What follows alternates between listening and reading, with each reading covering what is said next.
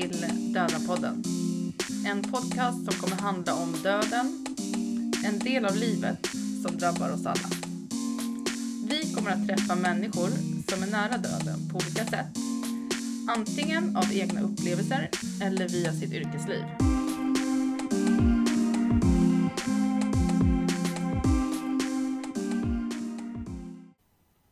Ja, nu är det Döden-podden dags igen. Japp, här är vi med en premiär. Ja! Det är vår första distansintervju. Mm. Det ska bli väldigt spännande. Ja, vi hoppas tekniken håller. Och Mm. vi ber om ursäkt om det är sämre ljud eller något knasigt. Då skyller vi bara rakt av på tekniken. Ja, ja, lätt. Ja. Ja, vi ska träffa Annika, Annika Rosendahl från Göteborg Mm. som också har skrivit en bok. Japp. Det verkar vara ett bra sätt att ventilera på. Ja, men man... eh, men Jag förstår behovet av att vilja komma, komma ut med ens erfarenheter och lyfta ämnet och, Mm. och kanske bearbeta också såklart. Ja, såklart. Boken heter i alla fall Tack mamma. En bok för dig som saknar. Ja, Ja, men nu kopplar vi in sladdarna och, och pratar med Annika då. precis. Nu kör vi. Yes.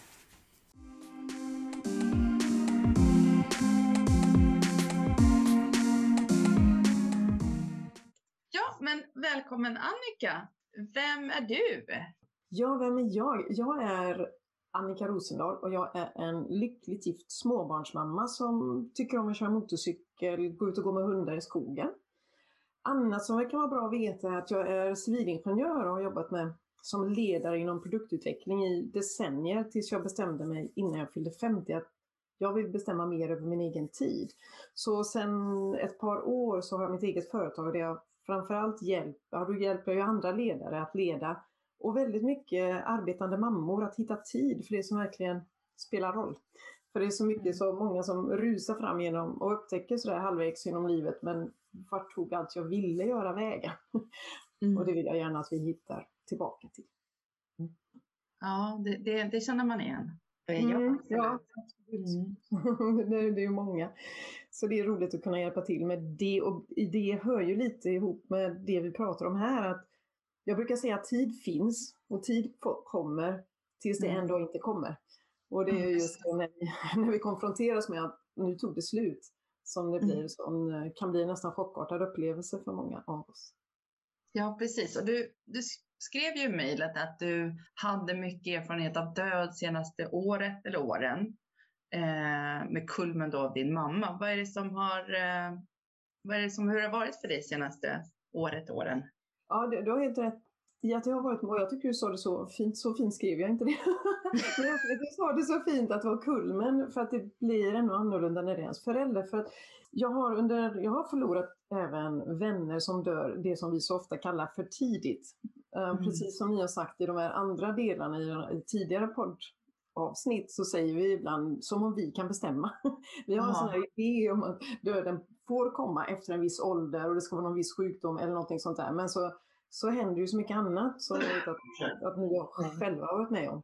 Mm. hemska. Hemska partner har försvunnit eller vänner. Så att jag har förlorat vänner i cancer. En innan han fyllde 30, en innan hon fyllde 40 och en som han han ens fylla 50. Ja, och, så, och en som han fylla 60. Men det är, många, ja, det, är, det är lite konstigt när jag tänker efter att jag det är fyra vänner som har dött i cancer relativt tidigt i livet. Men det var ändå, det var chockartat men det var, nu har det gått en stund sedan förutom min senaste vän. Sen så var det Mm. 2020, då var- dog en annan av våra vänner, båda mina kvarvarande fastrar, en katt blev överkörd och så Nämen. Så det var, det var liksom, nu får, nu får det räcka.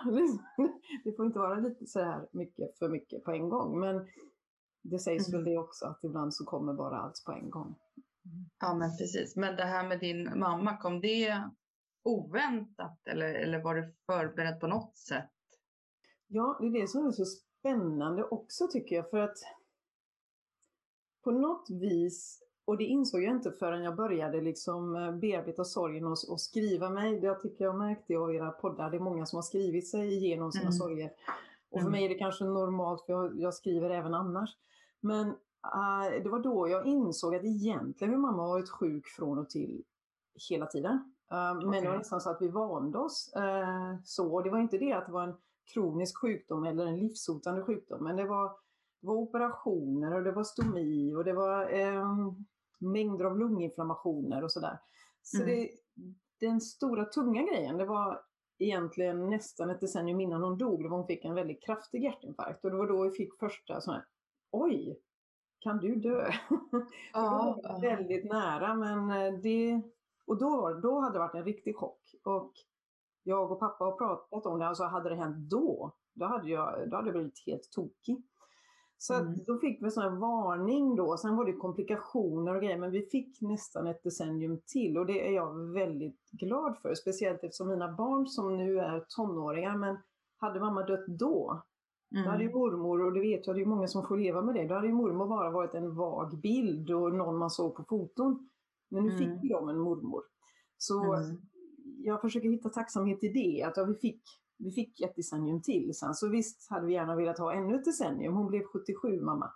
Men eh, vi är ändå glada för den tid vi hade.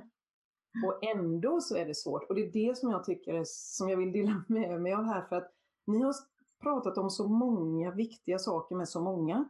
Mm. Uh, och jag en av episoderna har jag medvetet inte lyssnat på, för det står förlusten av ett barn. Och jag, Mm. tänkte, det går ju inte, jag kan inte ens tänka, jag vill inte lyssna på den.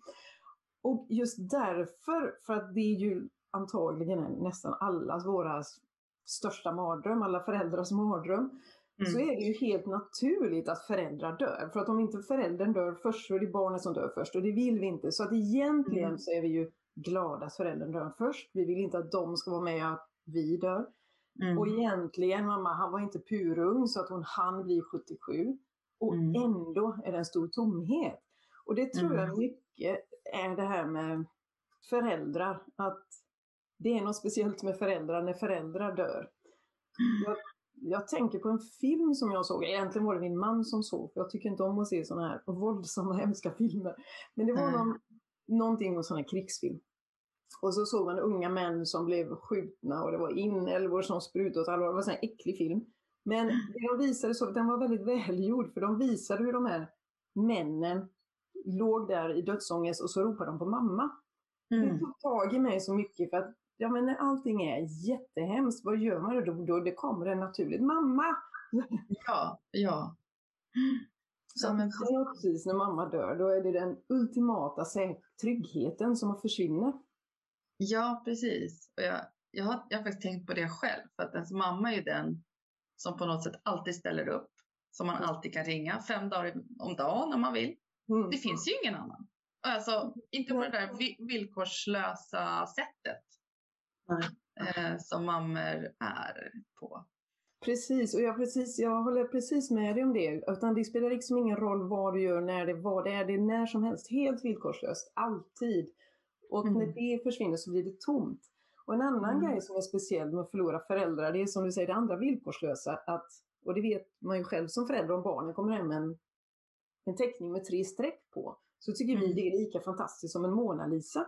Så att föräldrar, allt du gör är fantastiskt och de är intresserade av ditt liv. Och det har jag också pratat med an- andra som har förlorat sina föräldrar. Vem ska jag nu berätta för? Vem ska Ja. jag nu berätta om det här jätteroligaste som hände på jobbet? Eller visa upp det scenen, eller tapetserade hus eller rummet. För att de bryr sig. De bryr sig om varenda liten del i ditt liv och det är inte så många andra. De har ju fullt upp med sina egna liv. Mm. Och även våra egna barn, ju äldre de blir, ju mer får de fullt upp med sina liv. Så att när man förlorar föräldrar så förlorar man mycket av den här grundtryggheten och att någon som bryr sig om allt du gör. Ja.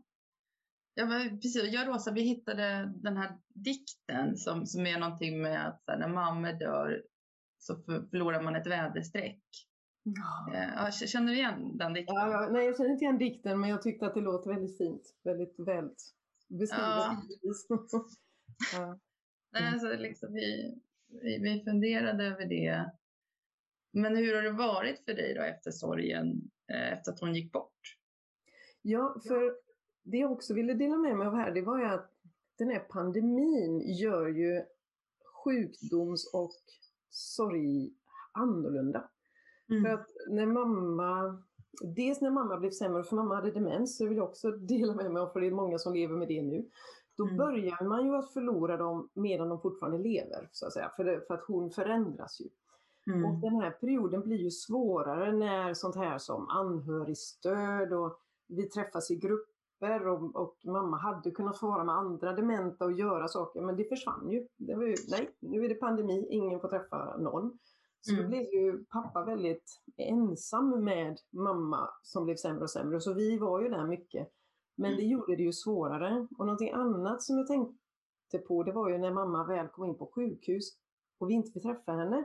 Ja. Ni, ni hade en sån jättefin episod eller podcast med den här överläkaren Rickard. Jag tyckte han ja. drevs av vad han... Han måste vara en dröm att få ha i de lägena för han var så otroligt insiktsfull. Men Mm. han berättade ju, ni frågade, hur reagerar folk på beskedet att nu kan det vara dags att övergå till palliativ vård? Mm. Och mamma var så dement så hon kunde inte vara med och ta beslutet, det var ju tyvärr. För det hade man ju helst, vad vill du mamma? Det är det man Ja. vill fråga, men det gick ju inte att fråga. Nej. Och då ju det på oss anhöriga. Mm. Det är svårt när man då inte fått vara med på resan. För han berättade så fint överläkaren, man kände på sig. Men Mm. för oss så var det, vi såg mamma innan sjukhuset och sen så tog det ju ett tag innan, vi fick ju inte se henne. Och Nej. sen, och sen få höra att nu, är det, nu så börjar vi nog fundera på om det här blir bättre. Och vi, men vad skämtar du? Vi såg, för två veckor sedan gick hon omkring hemma. Det går ju så fort. Kan gå så fort, det behöver inte alls gå så fort, men det kan gå så fort. Och Mm. hade det varit vanliga omständigheter, då hade vi varit med mamma varenda dag. Vi hade Mm. besökt och vi hade sett och då hade vi kunnat vara med dem och säga, ja men mm, ni har nog rätt. Nu var det mer så här, förstår den här läkaren vad han säger? Ja. Där, Vi behöver höra från någon mer. Så det, det tror jag det är många som kanske kämpar med, att man inte får träffa sina anhöriga under den här Mm. perioden och bara förlita sig på liksom telefonsamtal eller så här. Det Mm. blir så konstigt för då blir det ännu svårare att förstå. Jag tror det är svårt att förstå ändå. Men det Mm. tyckte jag, och när jag tänker på vårdpersonalen i den här pandemin så har jag hittills tänkt att det är klart att de har mycket att göra. De måste ta hand om alla dessa covid-patienter och oroliga personer och det är säkert mycket jobb. Men jag Mm. inser ju också att även resten av vården blir väldigt påverkad för att allt det här hur man umgås med anhöriga och att anhöriga inte får träffa, det påverkar också enormt. Så det, det är tufft nu för alla möjliga, tror jag, både de som är på sjukhus, de som vårdar och jättetufft för anhöriga som inte får träffa sina Mm. sjuka eller till och med döende släktingar på samma sätt som vi annars skulle ha gjort. Sen Ja. vill jag ge en eloge till dem att de löser det så smidigt som de kan under givande omständigheter. Men det blir... Definitivt. Ja. Mm. Men, men när din mamma fick eh, den, demenssjukdom, var, Ja. var det också, förlorade du relationen till henne då liksom på något sätt innan hon, hon de facto avled? Eh, om du förstår vad jag menar. Ja, för jag förstår precis vad du menar och Mm. jag tycker att det är väldigt viktigt för att jag trodde att jag skulle bli klar med sorgen innan mamma, mamma dog för hon var ju på väg. Ja. Så, så det var då jag började fundera. När, det är lite olika för olika, men för oss gick det väldigt långsamt i början. Det var mer att hon ja, så kom ju, så vad är det för dag idag? Eller eh, kunde säga samma sak flera gånger. Har ni förberett för imorgon? Och så, ja, det har, vi. har ni förberett för imorgon? Ja, det var lite sådär, det var ju små saker. Men Mm. sen efter ett tag så var det väl mer att hon kunde sitta, vi kunde sitta och titta på TV tillsammans i deras hus. Så tittade hon sig omkring och sa, men var är vi? Mm. Men vad menar du? Vi är ju hemma, hemma hos Mm. dig. Så, Nej, här bor inte jag. Och så kunde vi liksom gå runt i huset och komma till hallen och så, ja, ja, men vi är ju hemma. Och då, så, ja, då var det fortfarande hanterbart, men det var ju sen, sen som, och det har jag lärt mig nu mer, om Ja. det kan gå sen, i, sen kunde gå ett sådant här jättetrappsteg. Och Jaha. att hon inte alls visste Ja, det, man brukar ju prata över filmer så ser man de, när de slutar att känna igen en. Men det var bara fram och tillbaka. Jag tror under en och samma dag kunde hon känna igen Mhm. mig och inte känna igen mig.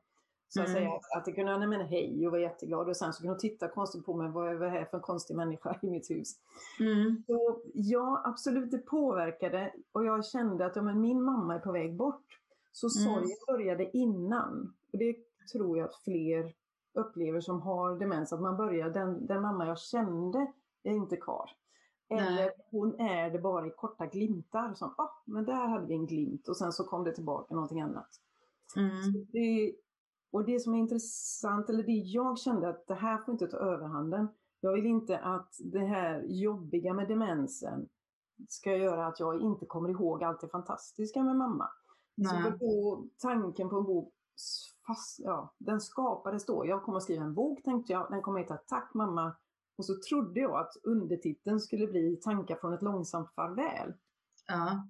För jag ville fokusera på det jag var tacksam för. Så, men jag, jag började inte skriva den, den fanns i mitt huvud. Liksom, det här är jag tacksam för och det här är jag glad för. Och jag är glad för att vi gjorde det där. Och Mm. sen så när det väl då gick ut för så gick det ut för så fort. Så att det var ingenting långsamt alls. Och då blev det ändå chockartat. Och det förvånade mig. Jag har skrivit i första kapitlet och jag trodde att jag var redo. Och Mm. jag trodde att det skulle kännas som en lättnad. Och Mm. det kanske det gjorde några timmar. Ja. kanske en dag eller någonting så kanske det är sådär att vi, och då, just då kunde jag vara tacksam för att vi fick träffa mamma några timmar innan hon dog. Varken vi eller personalen vet ju exakt när det ska hända, men vi fick träffa henne på kvällen och så dog hon tidig morgon. Mm. Och jag var så glad, åh du fick dö i sömnen, åh vad glad jag är att vi fick träffa dig. Men sen, sen kom den där oändliga tomheten, sen kom så, som ni sa så fint, den här väderstrecket som var borta. Och Mm. då tänkte jag, tänk att jag trodde att jag redan var klar med sorgen och jag insåg att det var jag inte alls. Så, det, var, det är mycket kvar, det var mycket kvar och det är mycket kvar.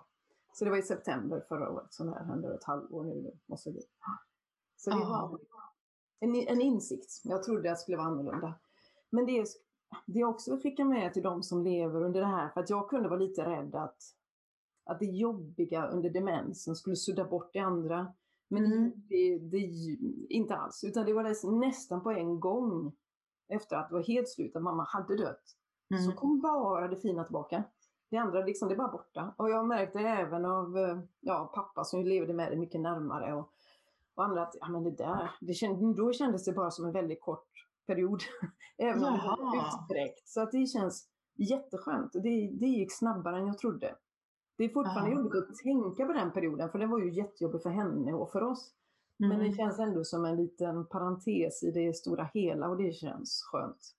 Att, Mm. Det kanske kan vara tröstande för någon som sitter och sliter sitt hår och undrar men mamma känner inte ens igen mig eller hon kan bli arg på mig eller det är ju Mm. jättejobbigt. Men Mm. tack och lov för, för oss åtminstone, vår erfarenhet att det, ah, det försvinner sen. Ja, men det är jättehoppfullt. Men, Ja. men, när, men när, när en mamma då till exempel har demens, tror du att man har kvar det här hoppet att hon ska bli sig själv igen? Eller förstår du? Och att allt det här hoppet försvinner ju då när hon dör. Man kommer ja, aldrig få tillbaka henne, inte ens en minut. Liksom. det är helt riktigt. Gli- även glimtarna försvinner ju. Så att ja, det, det är ju lite som du säger, varför? Jag tror att vi hela tiden försökte vi hitta vad kan bli nästa steg då? Ja, men kanske att hon kan bo på ett sånt här växelvis boende lärde vi oss att det fanns. Mm. Um, så att hon kan få bo där och så kan hon bo hemma. Så kanske vi kan hälsa på henne. Hon kanske inte alltid kommer ihåg oss, men ibland kanske hon kommer ihåg oss. Vi kan ta ut henne på restaurang och konserter tycker hon om. Så vi började nog hela tiden tänka oss ett nytt steg. Okej, Mm. vi får ge upp att mamma kan bo hemma. Ja, okej. Men okej, då, det blir ändå bra. Och sen, sen så var det som, vi hann liksom inte vänja oss vid en tanke förrän det gick ännu snabbare. Så att Aha. tanken var okej, ja men hemtjänst, det blir nog bra. Eller okej, nej men det, hemtjänst räcker inte så de som kommer och titta. Okej, särskilt boende, men då kommer vi tillbaka till det här med pandemin. Men då kan ni inte träffa henne. Om ni inte träffas med plexiglas emellan dem. Så med plexiglas, det enda sättet vi får kontakt med henne nu, det är faktiskt att hålla i henne. Och sjunga och Mm. lite sånt där, för att vi kan inte prata. Och plexiglas så känns det som om vi är på, liksom, på sol, det, det funkar inte. Så då vill vi, nej vi vill inte det nu. Och sen när vi sa att okej, det kanske är det bästa, ja, då var det sjukhus. Så, så vi låg hela tiden några steg efteråt kändes det som. Och det kanske, som du säger, även med döden, att vi låg några steg efteråt. Att va, var det nu? Även om Mm. vi alla ju visste, okej det här är en sjukdom ingen hittat någon bot på. Men det är så lätt att fortsätta och testa alternativa metoder. och Plocka ut eh, kvicksilvret ur mammas tänder var någonting som pappa och hon gjorde för att hon hade väldigt höga halter. Det kanske kan hjälpa. Och, så Mm. försöka, och diet kanske kan hjälpa eller åtminstone bromsa. Så jag tror det ligger lite i allas vår natur att försöka in i det sista. Det, må, det, Ja. kanske, det kanske går, det kanske går. Så att då blir det väl ändå när då faktumet är det, då blir det ändå en chock. Hur mycket man än vet att nej men det här, så här brukar det bli, det finns ännu ingen bot. Ja, då Mm. blir det ändå chocken. Ja men kanske. Så. Ja, ja, men precis. Jag förstår. Men hur har det varit för dig då att liksom dels är det ju din sorg med din mamma, men samtidigt så är det ju anhörig till din pappa och ska stötta honom. Den, Absolut. Ja, det är ju... Det är ungefär, jag tänkte på det första gången när vi förlorade katter som, som våra barn nästan hade valt ut. Och jag Mm. minns när vi berättade att nu måste vi avliva den här katten. Den här sorgen jag såg i min, min mellansons ögon då, det finns kvar. Och det här Mm. är tio år sedan eller mer. Och det, är den, att se någon annans sorg kan göra jätteont. Naturligtvis som, som mamma till, till våra barn så är det ju jättejobbigt. Vi vill ju skydda våra barn från allt. Men Mm. också att se min pappas sorg, det är ju jätte, jättejobbigt. För att då är vi tillbaka till att det brukade vara föräldrarna som, som tröstar oss. Just och sen så när man ser att nu liksom, det är sån här bottenlös förtvivlan. Det är, Mm. det är jobbigt, det är tungt. Absolut, det tycker jag. Så Mm. när jag skrev boken var det delvis, eller det var minst lika mycket till pappa. För jag minns att han sa, jag kommer inte kunna prata med någon präst. jag vill inte Nej. prata med en präst och berätta om henne. För mycket av det som en gång väl var tänkt, man bor på samma ställe och så vidare och prästen känner en. Men nu är det ju en präst som ska sätta sig in i en hel människas liv på nolltid och kunna berätta Ja. någonting. Och han sa, jag, Mm. kan inte, jag vill inte prata med någon. Och då tänkte jag, men om jag skriver den här boken, jag gör ett första utkast snabbt, då får prästen det och då behöver inte pappa säga så mycket. Så det Mm. blev också en anledning till boken. Så boken är till mig och mamma och till pappa. Och nu så är den till andra. Men det var liksom, det var mycket det. Hjälpa, hjälpa varandra. Så det är som du säger, det är jobbigt Linnea, att men samtidigt så har ju, jag tror vi har kommit ännu närmare varandra, jag och min bror och pappa, genom Mm. sorgen. Om man säger så. Och det var inte så att vi inte var nära varandra förr, men det var ändå, vi hade alla våra liv som var på gång liksom. Och nu Ja. så blev det tillbaka som en, som en enhet. nu, nu ska vi lösa det här tillsammans och komma igenom de här dagarna som, som vi inte förstår hur vi ska komma igenom, men vi gör det tillsammans. Ja. Jag kan ju bara inbilla mig att, att om, om, det var, om jag var med om det skulle jag känna ansvar för min pappa och jag Mm. skulle liksom ta på mig den här eh, rollen kanske att fixa. Eller jag vet inte. Det, det blir ju så dubbelt då. Liksom. Det blir det och, och pappa Mm. vill ju inte att vi ska ta på... Han säger, ni behöver inte komma hit. Nej, vi vet, men vi vill. Mm, mm. Sådär, för för det, är- det är som du säger, dels så är det lätt att man, för speciellt de två. De, pappa träffade mamma när han var, eller han såg mamma när han var 13, hon var 12 på skolbussen. Och hon skulle bli min fru. Så att, och sen har de i princip, ja, hon, det tog lite tid innan hon blev övertygad, men från att hon var 17 eller något sånt där så har de varit tillsammans jämt. Så Oj. för honom 60 år och sen är hon borta, det är ju en enorm förändring. Det är det, Ja, men det går ju nästan inte att föreställa sig. Det är hela livet. Det är hela livet. Och när vi um, höll på där med begravningen och skulle placera ut folk för att man får inte vara för många och så vidare. Och återigen covid och så 20 personer. Och så, men var ska pappa sitta? Och då sa jag, men pappa, du är ju halv. Det kändes som att nu är du plötsligt halv. Det är alltid du och mamma. Det blir Ja. så konstigt. Och det var bara sådär en spontan, och det kanske inte var ett dugg stödjande att säga, du är ju halv. Men, men det var så Han kände säkert så. det kändes, vi kände som att plötsligt är du halv, det var alltid ni. Så att Mm. även om jag har förlorat en förälder, vilket är tungt i sig, så är ju han, hans hela liv är upp och ner. Mitt Mm. är inte lika upp och ner. Mitt liv var ju Mm. väldigt mycket utan och att åka dit ibland. Mm. Medan hela pappas liv har förändrats. Så att det, jag håller med dig Linnea, det är liksom, men hur, hur hjälper vi till nu när Mm. hela livet har ändrats och för honom en stor del av syftet med livet har ändrats så att säga. Alltså, men Mm. vad gör jag utan henne? Så det, det tror jag är tufft. Jag vet ju att ni har, ni har ju både intervjuat och varit med om sådana som har förlorat sina partners. Så att det har ju också en, en sån enorm påverkan på hela, hela Ja. livet. Är på resten av livet. Ja men precis, men det, det är ju olika saker och det, det är mer påtagligt vardags, som att det är hans liv. Men för dig är det ju din mamma och den relationen är ju, den är unik. Liksom. Det är ju ingen som kan ersätta den. Nej, nej. Så, um, men, men vad har du gjort nu? Nu är det ett halvår sedan, men har du Ja. tagit hjälp av någon eller har gått någon sorggrupp eller hur, hur har du eh, hanterat? Jag är nog sån att jag, jag läser, läser och tittar. Så jag har läst mycket Mm. böcker. Mm. Och tittat mycket på videos. Och så har jag skrivit boken, vilket har hjälpt mig själv.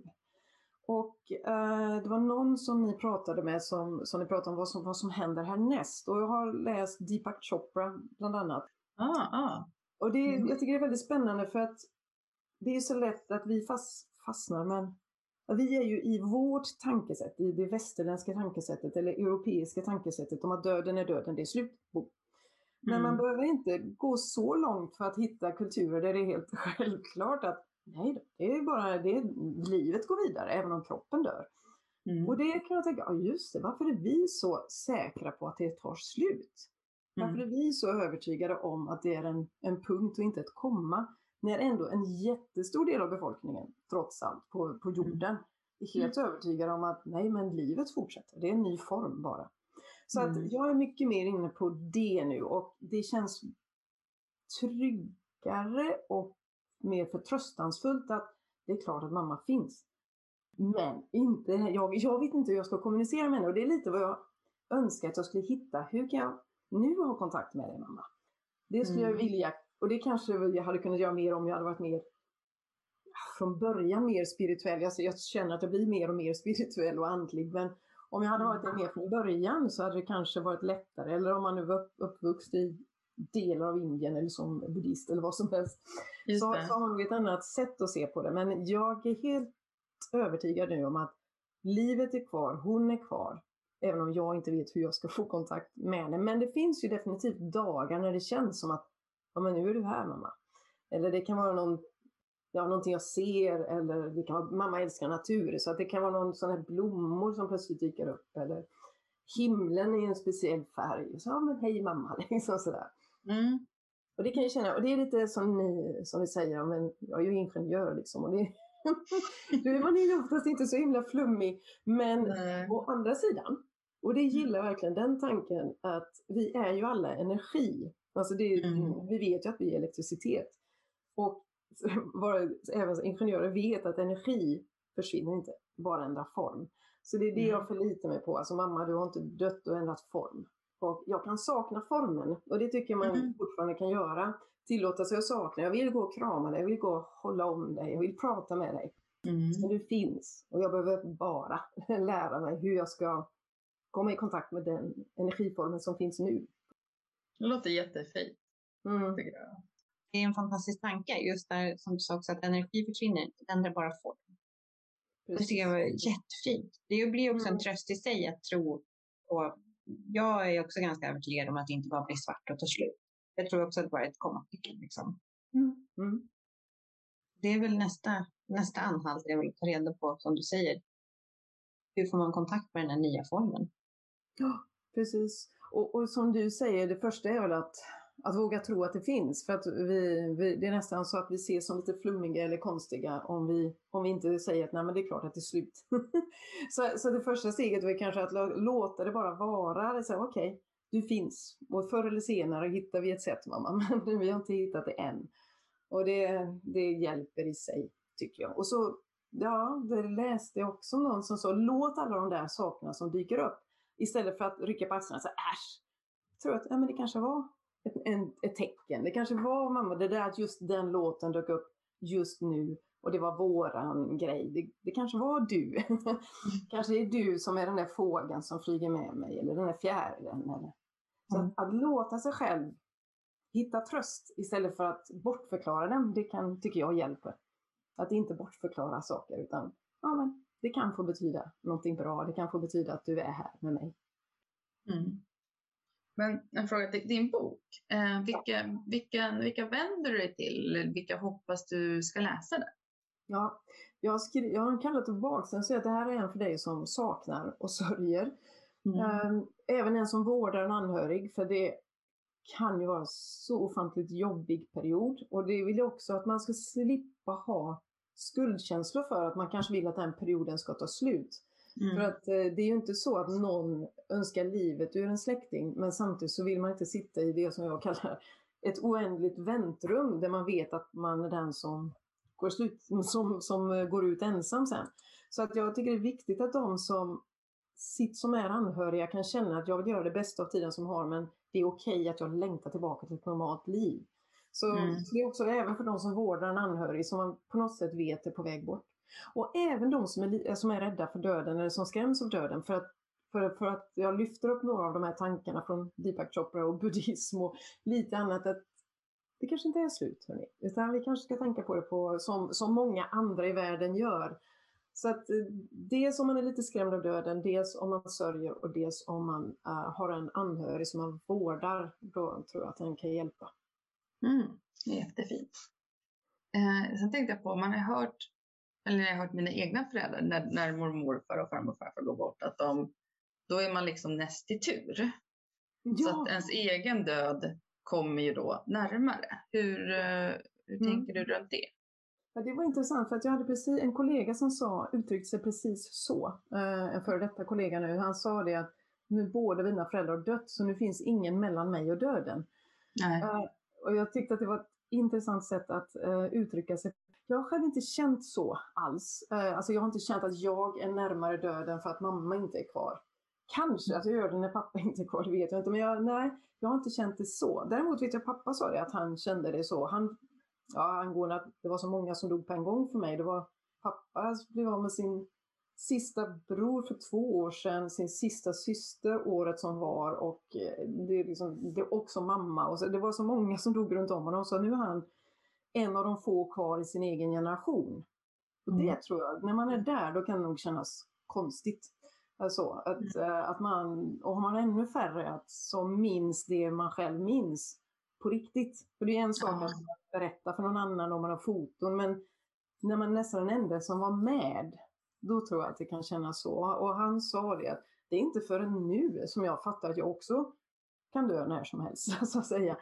För pappa Mm. är extremt levnadsglad och det har varit mycket resor och roliga saker mamma och pappa har gjort och det, det har varit mycket eh, jobba hårt, eh, leva hårt eh, och ha jätteroligt och ösa på.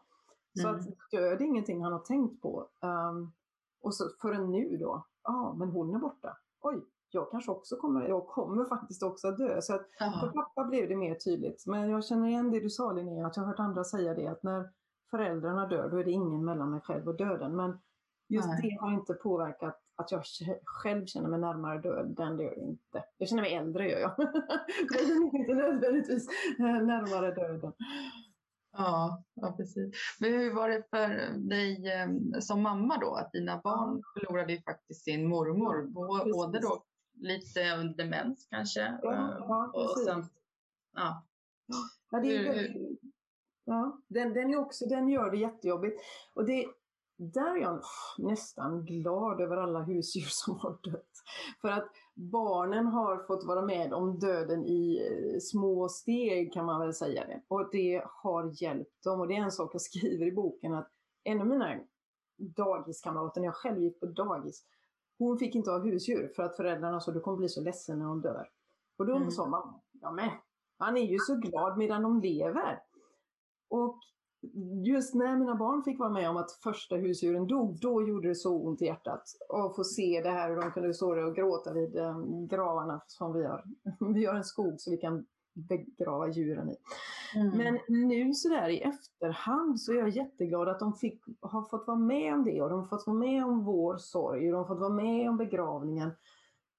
Och då har vi pratat mer om döden än vi kanske hade gjort annars. Och så jag är Mm. så glad att ni har den här podden så att vi pratar mer om den. Och eh, en av mina söner, han är helt fantastisk, min yngste, han, han är helt, ända sedan han var så här liten, han är helt övertygad om att reinkarnation finns. Och han, han, han sa, det var några år sedan nu, men då sa han i nästa liv då ska jag bli en flygekorre och så ska jag bo med er. och det, och det, är, det, är så fint då, för då, och när då olika djur har dött så tänker jag, ja ah, men nu kanske hon är där, nu kanske hon flyger där. Så att, Mm. Och det är så skönt att, och då är jag så glad att jag har varit öppen nog och låtit, ja så kan vi tänka, säger jag. Det är ju jättebra, vad som än gör att det känns lättare, tänk det. Mm. För att Mm. vi har inga svar, ingen av oss har svar, så välj det som känns bra. Mm. Men jag visste inte hur det skulle vara med mamma och där, då kom det en annan sak när mamma blev dement, att jag kunde nästan känna att jag ville skydda hennes rykte. Ah, ah. För, för att jag har ju sett mamma hela hennes liv. Jag har ju sett så mycket fint om mamma. Mm. Och, men för dem om man tittar bara rent proportionellt så har ju de sett en massa fina saker med mormor men så, men så kom den här lite jobbiga perioden. Och då var det mm. nästan som att jag ville, åh men ni bara anar vad fin min mamma är även om hon just nu beter sig jättekonstigt. Så det, mm. där kan jag nästan känna att jag ville ja, skydda hennes minne på något vis. Och det kanske också boken lite hjälper till med att det här är också min mamma. Det här har också min mamma gjort. Även mm. om ni har sett en massa konstigheter nu på slutet. Så att ja, det blev det. Skydda min mammas minne på något vis. Och även rent och skärt utseende. Mamma var otroligt vacker. Men på slutet så blev det sån här uppsvullen av mediciner och, och mm. som dementa ofta gör, de bryr sig inte om hur de ser ut. Så vadå borsta hår och duscha och sånt där. Och så mm. också, åh min vackra mamma, hon ser inte så fin ut nu som hon gjorde. Så det blev mycket bevara den bilden av mamma som jag har. Även om mm. barnen har sin bild och den är också, de har ju massa fina minnen också. Men jag, det var en sån där, det hade jag inte förväntat mig, att ha den känslan att, att ansvar att, att få dem att förstå hur min mamma egentligen är. Så det, nej, men precis. Ja, ja nej, men det är ju lite så, man vill ju skydda dem också från ja. sorg och död. Uh, men det, ja. det går ju inte. Det går inte och det är det som egentligen är så intressant. Så att de, som alltid med barn, nu är de ju halvstora, alltså de är ju tonåringar. Mm. Och de har nog hanterat det bättre än jag hade kunnat hoppas. Men så bra som jag är glad för på grund av tunga saker tidigare då. Så att det, är, det är jättebra. Det har gått över förväntan tycker jag. Sen så är det lite, ibland, ibland lite svårt att veta hur tänker du egentligen? uh, det undrar man alltid. ja, precis. Ja, hur känner du egentligen när, när vi gör det här då? Men det, jag tycker ändå att det har gått jätte, jättebra. Mm. Ja, ja, vad skönt. Mm. Um, och känner att du har fått rätt stöd, alltså tänk med partner, um, ja, andra liksom runt omkring dig. Att det, eller har det varit sådär, ja men nu får du rycka upp dig? Nej, det har det inte varit någonting alls och det är jätteskönt. Och det är lite intressant för nu har jag mitt egna företag och kan bestämma väldigt mycket vad jag gör. Men när jag tänker på en kollega som förlorade sin mamma när vi jobbade tillsammans på, på ett större företag. Och hon mm. kom tillbaka och strax efter och vi visste inte vad, vad vill du, hur vill du, vill du vara hemma, vill du jobba? Vad vill du? Mm. Hon sa jag vill jobba, det är lättare, men jag skulle vilja ha ett sorgeband runt ärmen. Och det ja. tyckte jag var en så bra tanke. Jag, för att, så liksom, jag är i sorg, var det varsam ungefär. Så, ja. Så, så, ja, jag tycker det är jättefint. Mm. Så, så vi behöver ju inte gå tillbaka till att man ska vara svartklädd i ett år. Men, men en liten påminnelse för folk som är mitt uppe i sitt liv och nu ska ha vi det här mötet och vi ska ta det här beslutet och så är det inte så många som orkar hålla koll på Ja just det, var det hon som hade förlorat sin mamma? Liksom. Det, det, kan bli så mycket för folk men om man då har den där lilla påminnelsen så var varsam. Så det tyckte jag var en väldigt bra idé. den här, ja. Jag är i sorg, var varsam. Jag vill fortfarande vara del av livet för jag kan, det kan vara bara jobbigt att vara hemma och, och fundera. Men Såklart. Att man mm. vill vara varsam. Så det tyckte jag var väldigt fint. Men nej då, alla jag delar med är otroligt um, vänliga och, och delar sina historier. Det tycker jag, det tror jag är väldigt viktigt att man får ja. göra. Och det är en, mm. en jättefin kvinna som skrev, mammor borde aldrig få dö. Sant. ja, precis. Det är ju en sån ja, fullständigt härlig kommentar. De borde inte få dö för det är för jobbigt, vi vill inte det. Och så berättar hon, jag vill fortfarande berätta för mamma om allt som händer. Och det kommer jag inte mm. ihåg, det är inte jättelänge sedan för henne, ett par år kanske. Alltså, och jag vet att hon skulle vilja veta det här, jag vet att hon vill veta det här. Och en annan berättade för mig, hon hade varit riktigt, riktigt ledsen när hennes pappa dog för ett par år sedan. Och då hade hon, precis som vi pratade om här, då började hon leta, men vad är det egentligen som händer efter man dör då? Och nu är hon helt säker på att, nej men, han finns. I mm. någon form. Och det har gett henne trygghet. Och hennes man tycker att, nej, nej. Men, eh, men hon får tro vad hon vill liksom. Mm. Och det, så att nej, jag har bara haft goda erfarenheter av folk runt omkring. Um, och att folk ofta har delat sin egna erfarenhet då. Mm. Och det, ja, angående som jag sa förut, ibland kan ju det göra att man kommer ännu närmare varandra. Plötsligt pratar vi om annat än jobbet, vädret, tv-serier. Utan vi pratar om det som verkligen spelar roll och då kommer vi, märker vi hur nära vi kan vara varandra. Ja, men precis. Men tror att det blir, eh, alltså om man har det här behovet som du säger, man vill kanske ringa mamma och berätta om vad som händer med barnen eller skolan. Eh, har det blivit så att, att du eh, börjar då ringa någon annan istället? För att liksom, behovet finns ju kvar, tänker jag. Ja, det var väldigt, det var jätte, det var vilken fin tanke. Nej, däremot så pratar jag med Alltså jag pratar högt för mig själv då. Och det, det, ibland så händer det här knas, det här att jag fortfarande, att jag glömmer bort det. Alltså, att jag, och det vet jag att hon själv gjorde med sin mamma. Att hon, innan, långt innan hon blev eh, dement och snurrig, men att jag ska bara ringa mamma. Nej, just det. Så det gjorde hon lång tid efter, för hon hade som vana att ringa sin mamma varje dag också för att kolla hur det var med henne. Så jag ska bara mm. ringa mamma. Nej, just det, jag ska inte ringa mamma. Så jag har inte riktigt den vanan, men när jag kommer hem till mamma och pappa, som jag fortfarande kallar det, så, mm. så det är mm. fortfarande, jag hänger av mig och sen, ja just det, hon är inte här. och, det, och, det, och, det, kan vara alla möjliga sådana här situationer som, ja just det, hon är inte här. Men jag kan resonera med mig själv som att ja, men den här klänningen, den hade du tyckt om mamma. Eller och titta mamma, här har vi. Så att jag pratar med henne som, mm, om, mm. som om hon lyssnar helt enkelt. Och det tycker jag hjälper mig också. Att inte... Och det var så jobbigt för när mamma var dement och ville prata med sin mamma och mm. inte förstod att hon inte fanns längre. Alltså, du, du, ja, du, kan inte ringa. Och så kunde hon bli arg på oss för att vi inte kunde hjälpa henne att ringa eller åka mm. dit. Så, men du, vad skulle du vilja säga till Du kan väl prata med henne ändå? Mm. Sa jag till henne då. Och, så, och nu, så i början så är jag så här, ja det var ju lätt för mig att säga.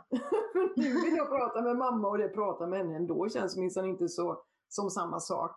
Nej. Så det, lite, det var liksom så där, jag sa det till pappa, kommer du ihåg att vi sa till mamma att hon skulle prata med mormor i huvudet? Ja, mm, visst, det var lätt för oss att säga. Um, nu, nu är vi där också, att jo det kan jag göra. Men det hjälper mig ändå. Jag gör det faktiskt. Jag pratar med mamma ibland. Titta mamma, det här skulle du ha tyckt om. Eller så. Mm. Det, det gör jag. Men hon, för hon glömde då bort att hennes egen mamma var död?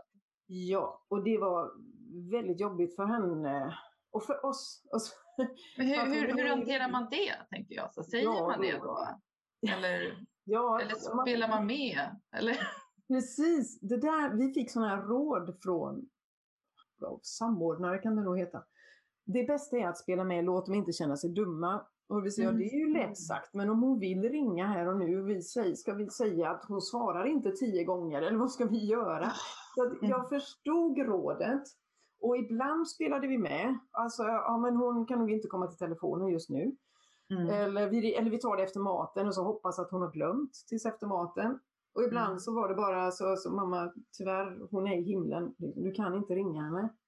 Och i början av demensen så gick det bra, men då kunde hon bli jätteledsen. Då kunde hon säga, nej, jag var ju inte med på begravningen. Och i början så visade vi bilder på begravningen och henne, men då blev hon mm. och då förstod hon, men då blev hon så ledsen för att hon hade glömt. Hur kan jag ha glömt ja. min mammas begravning? Så ja. jag tycker inte det fanns några enkla svar på den. Svaren som vi, när vi frågar andra, hur gör vi? Ja, men det bästa är om man kan avleda eller mm. prata om något annat eller spela med. Men när hon då, så, det kändes så, och pappa sa, jag kan inte ljuga. Nej! Det, det sitter ju så djupt, jag kan inte ljuga för henne och säga, ja, men vi gör det sen. Mm. Ett tag så gick det för att hon ju inte kom ihåg, men ibland så var det som att hon kom ihåg hela dagen. Ja, men nu skulle vi ju åka till mamma. Nu skulle vi ju åka till mamma. Och ibland, ja, ja, jättejobbigt. Och så ibland så kunde de till och med sätta sig i bilen och åka iväg. Och då ibland så var det så att de glömde var de var på väg och så kom hem igen. Men ibland kom de hem och sa, nej, nu är vi ju hemma. Vi skulle ju inte vara hemma. Så att det finns, jag tyckte inte det fanns några lätta svar på den frågan, utan ibland spelade vi med, ibland sa vi som det var, ibland försökte vi prata om någonting helt annat. Men det var ingenting som alltid funkade. Det är nästan som man har små barn. Och man tycker att nu har jag hittat hur jag ska få dem att somna. Och sen så nästa dag så funkar det inte. Sådär. Det var lite så mm. att vissa dagar funkade en, ett sätt och så vi tyckte vi, ja men nu, nu vet vi hur vi ska hantera det här. Och sen så, nej nu funkar inte det längre. Så när den, mm. den är svår, och just den har jag förstått att många har, att, att när man blir mer, mer dement, och man går tillbaka till någonting som gav trygghet förr och mamma var hennes mm. trygghet, så den återkom alltid. Mm. ja, jag, jag vill hem till mamma. Ja, det låter jätteutmanande, verkligen. Ja, det, det var absolut utmanande. Mm. Och det är som sagt det är den delen och det är då som man kan tänka att ja, men det, det kommer nog inte att bli så jobbigt när mamma dör för att den här perioden är ju jobbig. Men så blev det jobbigt ändå. Men det var det ju för att då saknar jag ju den friska mamma. Uh, när man inte längre var mitt uppe i att ta hand om den sjuka mamma. Så, så blev det mm. lätt, plötsligt saknar den friska mamma. Mm. Jag känner igen, för, för många har ju, har ju sagt, eh, och jag känner igen det själv, nej men det här med, liksom, då kommer första julen utan mamma och så. Hur, var, det, var det speciellt för dig också? Ja, det, blir, det har ju blivit några sådana här första, eftersom det var i september så har det blivit några första, och det blev första, första, första, det var det första födelsedagsfirandet av en av mina söner utan att hon är med. De har ju varit med Mm. hela tiden och firat våra söner. Mm. Så det var, det, det var en sån första och så var det naturligtvis första julen och sådär. Så att ja, det har det varit och då har det mest känt ko- konstigt för som sagt att, att pappa är halv. pappa kommer, eller första gången han överhuvudtaget kom till oss eh, och hälsade på oss utan mamma.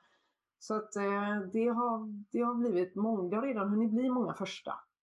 Mm. Eh, Och då har det nästan mest varit hur ska vi göra det här så bra som möjligt? Mm. Utan att, ja, och det vi gjorde, vi gjorde, vi skrev, jag har skrivit julklappar till mamma och pappa. Jaha. var, alltid- det var alltid de som fick eh, den här kalendern med bilder på barn och, och vad som har hänt. Och det kändes ju det till mamma och pappa, även om jag inte ser mamma, men hon är med dig, så det blir till Mm. mamma och pappa. Så att eh, det blev många sådana till mamma och pappa. Men vi har ju inte gått till sådana här extremer som att sätta fram tallrikar eller så till mamma. Det finns ju de som till och med gör så. Det gör, så, så gör vi inte. Utan vi, Nej. vad hon än har för form så behöver hon ingen egen tallrik. Men hon är med. Eh, så så att ja, Mm. det har varit några första. Och vi har kommit igenom några första och det kommer att bli många fler första. Uh, det ju. Hennes första Ja, födelsedag var tung och sådana här saker. Mm, ja, men det är ju så. Alla är ju på olika sätt och vissa kanske Mm. vill resa bort. Det blir väldigt svårt i år kanske. Men... Ja. precis, precis. Nej men det är sant, vi har inte ändrat vanorna så, men det är absolut ett alternativ. Skulle vi ha firat jul någon helt annanstans? eh, eller skulle vi inte ha firat vår, ja det gjorde vi inte heller. Ja, vår son ville faktiskt hellre vara där i deras hus eh, hos mamma och pappa. Mm. det hade vi kunnat vara då också. Ibland kom de hit, ibland var vi där. Vi har inte medvetet ändrat vanor för att undvika situationen. Det har vi inte gjort. Nej. Det, Nej. kan man nog göra, men det har inte vi gjort. Nej. Mm. Och jag tycker att ni eh, beskriver det så väl i vignetten. att, att ni pratar om döden som ju är en del av livet. Fast vi Mm. nästan eh, så ofta, som sagt, nästan den här döden, vi, vi struntar i den tills den plötsligt står där och då blir vi, Exakt. oj, vad hände?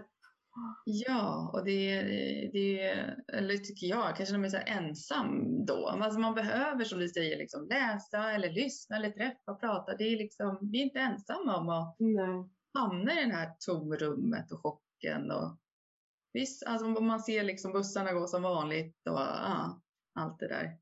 Mm. Och det tycker jag är så speciellt. Det tror jag, jag lyssnade på någon som hade varit med i en sån här hemsk flygkrasch och hade överlevt och det var sån här överlevnadsgrej. Ingen trodde de överlevde. Och så kom han Mm. tillbaka och hans insikt var, för folk trodde att han var död. Och hans Mm. insikt var, wow, livet fortsätter. Mm. Alltså Ja. vad som än händer fortsätter livet. Och det kan ju kännas konstigt när för vissa känns det som att, att det har tagit stopp. Man står helt Ja. still. Men det bara Mm. fortsätter för, för alla andra. Det är en väldigt underlig känsla.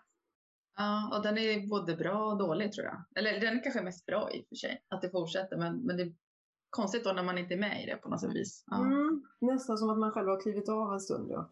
Och så Ja, det är nog så. Mm. Mm. Nej, men jag tycker att det var väldigt fint. Jag tycker om den här, just den här, den här eh, formuleringen att energi försvinner liksom. Den ändrar bara form. Vetenskapligt också liksom. Ja, även vetenskapligt. ja, precis. Ja, fint. Mm. Och väldigt generöst att du delar med dig. Mm, ja. Tack och tack för att ni gör den här podden. Och som sagt, jag har lyssnat på flera avsnitt och undvikit andra för de verkar för jobbiga. Men jätteviktigt att vi gör det lättare för alla som är i det här. Att vi inte längre har den här döden som ligger i garderoben och ingen vill titta på den. Utan att vi faktiskt öppnar den för att det är som en del av livet. Så jag tycker det är jätte, jättebra att ni gör den här podden. Tack för att jag fick vara med i den. Det känns bra. ja, ja, jag, blir, jag, blir så, jag blir så himla glad. Jag blir, varenda gång jag hör att någon lyssnar på den så blir jag så här, Mm. "Woo! det hjälpt någon, det är värt det liksom. Ja, ja.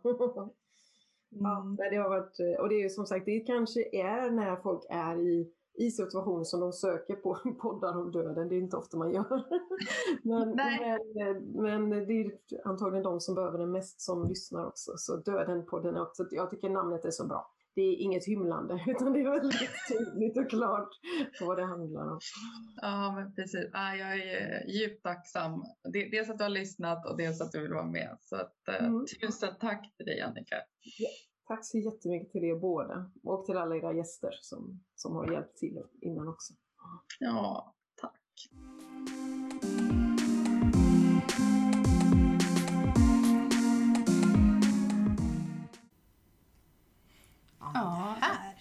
Det gick ju bra. gick ju bra, ja. Var inte för mycket prata i mun eller uh, hackade sig. Nej, Tror jag. tror inte det. Nej. Och ja, att förlora sin mamma. Dels genom demens på något. Att förlora liksom relationen eller människan på något sakta sätt. Och sen att hon liksom dör. Mm. Ja, viktigt ämne. Jag menar, jag tror det är väldigt många som är med om det. Ja. Och just den här den jobbiga perioden med demensen som börjar med det här, det här lilla vimset som man kan Mm. skratta bort. Det är så lätt.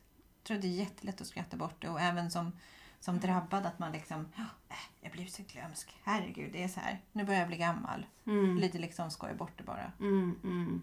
Ja, men vilket, vilket jobb att gå igenom. Ja, verkligen. Men vi är väldigt tacksamma för att Annika ville dela med sig så öppenhjärtigt. Mm. Det låter som en tuff tid. Ja, precis. Och jag hoppas ni som lyssnar har behållning av att höra någon annan. För att hon är ju definitivt inte ensam om den här erfarenheten. Nej, verkligen inte. Så, ja. På återhörande om två veckor. Precis. Vi hörs snart igen. Ta hand om er där ute.